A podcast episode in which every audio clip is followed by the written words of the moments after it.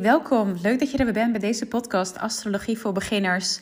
Vandaag, 19 mei 2023, hebben we een nieuwe maan in stier op 28 graden. Nog even op de valreep voordat uh, het stierseizoen afgelopen is, want zondag gaat namelijk de zon alweer verhuizen naar het teken tweeling. Nog even tussendoor, als je hier nieuw bent, een nieuwe maan hebben we wanneer de zon en de maan pal naast elkaar staan. Dus vanuit de aarde zien we dus de maan en de zon in één lijn met elkaar. En deze keer staan ze dus allebei in stier.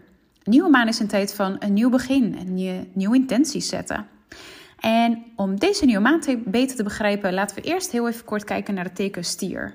Stier houdt namelijk van rust, van comfort, van veiligheid, gemak, vertragen, van herhaling, van schoonheid, sensualiteit en zeker ook geld. Slow and steady wins the race, dat is het motto van stier. Gaan we nu kijken, waar gaat deze nieuwe maan over? De boodschap van deze nieuwe maan is luid en duidelijk. Wees niet bang voor het onbekende. Wees niet bang om je potentieel te vinden. Deze maan heeft de potentie om je, om je te helpen, om je skills te gebruiken die je al bezit eigenlijk, om harmonie en balans in je leven te creëren, om overvloed te creëren. Dit is een nieuwe maan die je herinnert dat je de antwoorden al in je hebt. Als je bereid bent, uiteraard, om je naar te luisteren. En zeker ook om er iets mee te doen. Je bezit namelijk al superveel tools die je helpen om je balans, je balans te vinden en vast te houden terwijl het leven om je heen beweegt. En deze tools kunnen bijvoorbeeld uitzien als ademwerk, mantra's, vertrouwen, innerlijk weten.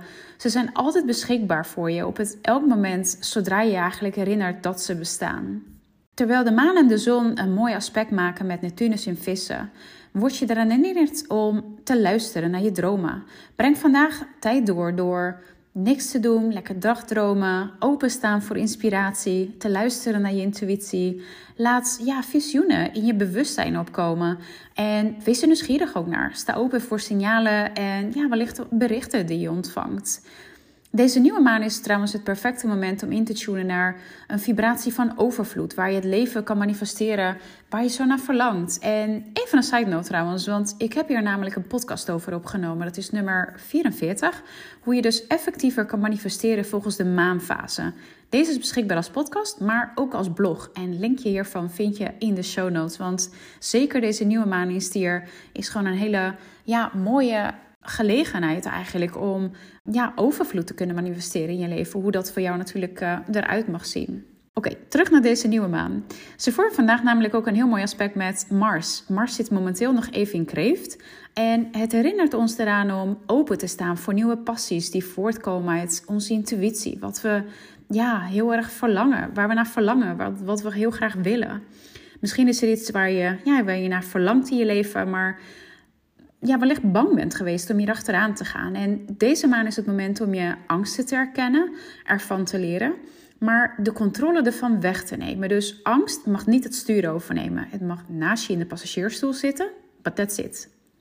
Het is een tijd om het comfortabele en het vertrouwde dus achter je te laten. In plaats daarvan dus op zoek te gaan naar hetgeen wat je alive laat voelen.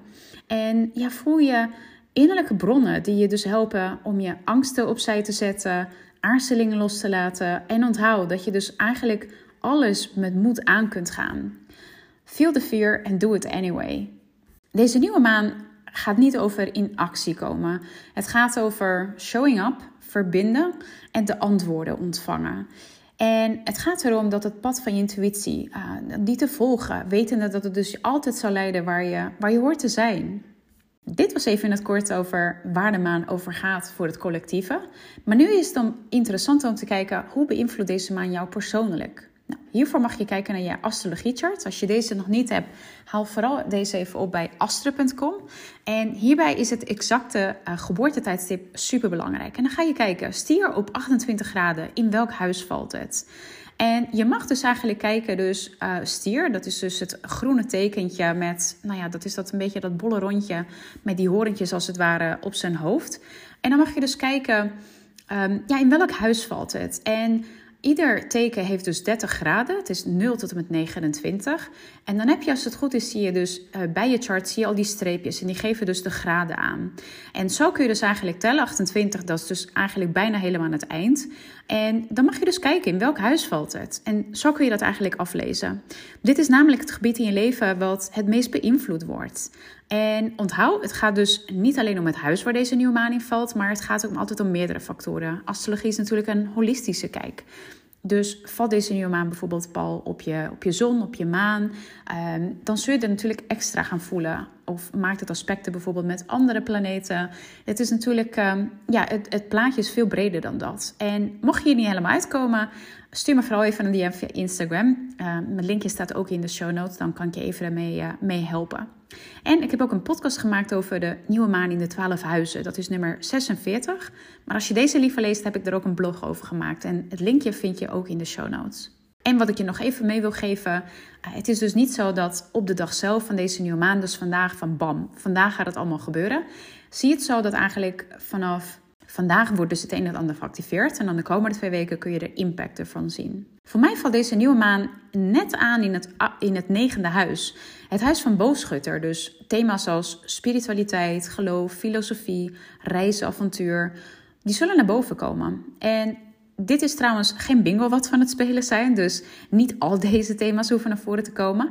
Um, dat, zal, dat zal pas een drukke bedoeling zijn. Maar Ehm, het gaat erom eigenlijk waar je dus een beetje rekening mee mag houden. En het maakt bij mij trouwens hele mooie aspecten met mijn Mercurius, mijn Venus en mijn ascendant. Dus ja, ik verwacht eigenlijk wel een hele chille nieuwe maan voor mij. En ja, zeker nu dat we net de eh, ja, volle maan en maansverduistering ook nog eens in Scorpioen hebben gehad, die best wel pittig was bij heel veel mensen, zal deze nieuwe maan als veel relaxter worden ervaren. Dat is trouwens heel erg algemeen gezegd. Uh, dus het gaat er natuurlijk uiteindelijk om hoe het bij jou persoonlijk in je chart valt. Maar over het algemeen zal deze nieuwe maan wel een stuk chiller zijn. En als laatste heb ik hier nog een paar journaling vragen voor je voor deze nieuwe maan. Want dit is namelijk weer een begin van een nieuwe maancyclus van zes maanden. Dus als eerste vraag, waar wil je over zes maanden eh, staan in je leven? En zowel in je leven als in je carrière. Dus zet je doelen en intenties en ga dan even terugrekenen wat je dan nodig hebt om deze doelen te kunnen behalen.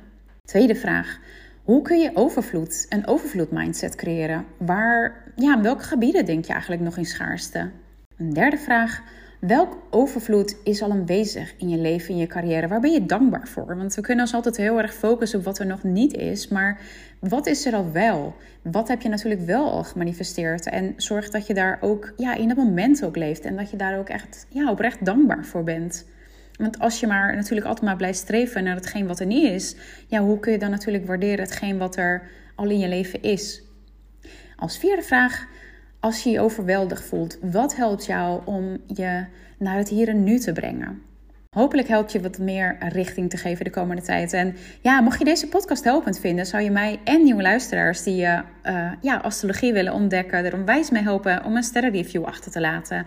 Of dat je bijvoorbeeld deze podcast in je stories op Instagram deelt. Dan kunnen natuurlijk nog meer mensen bereiken.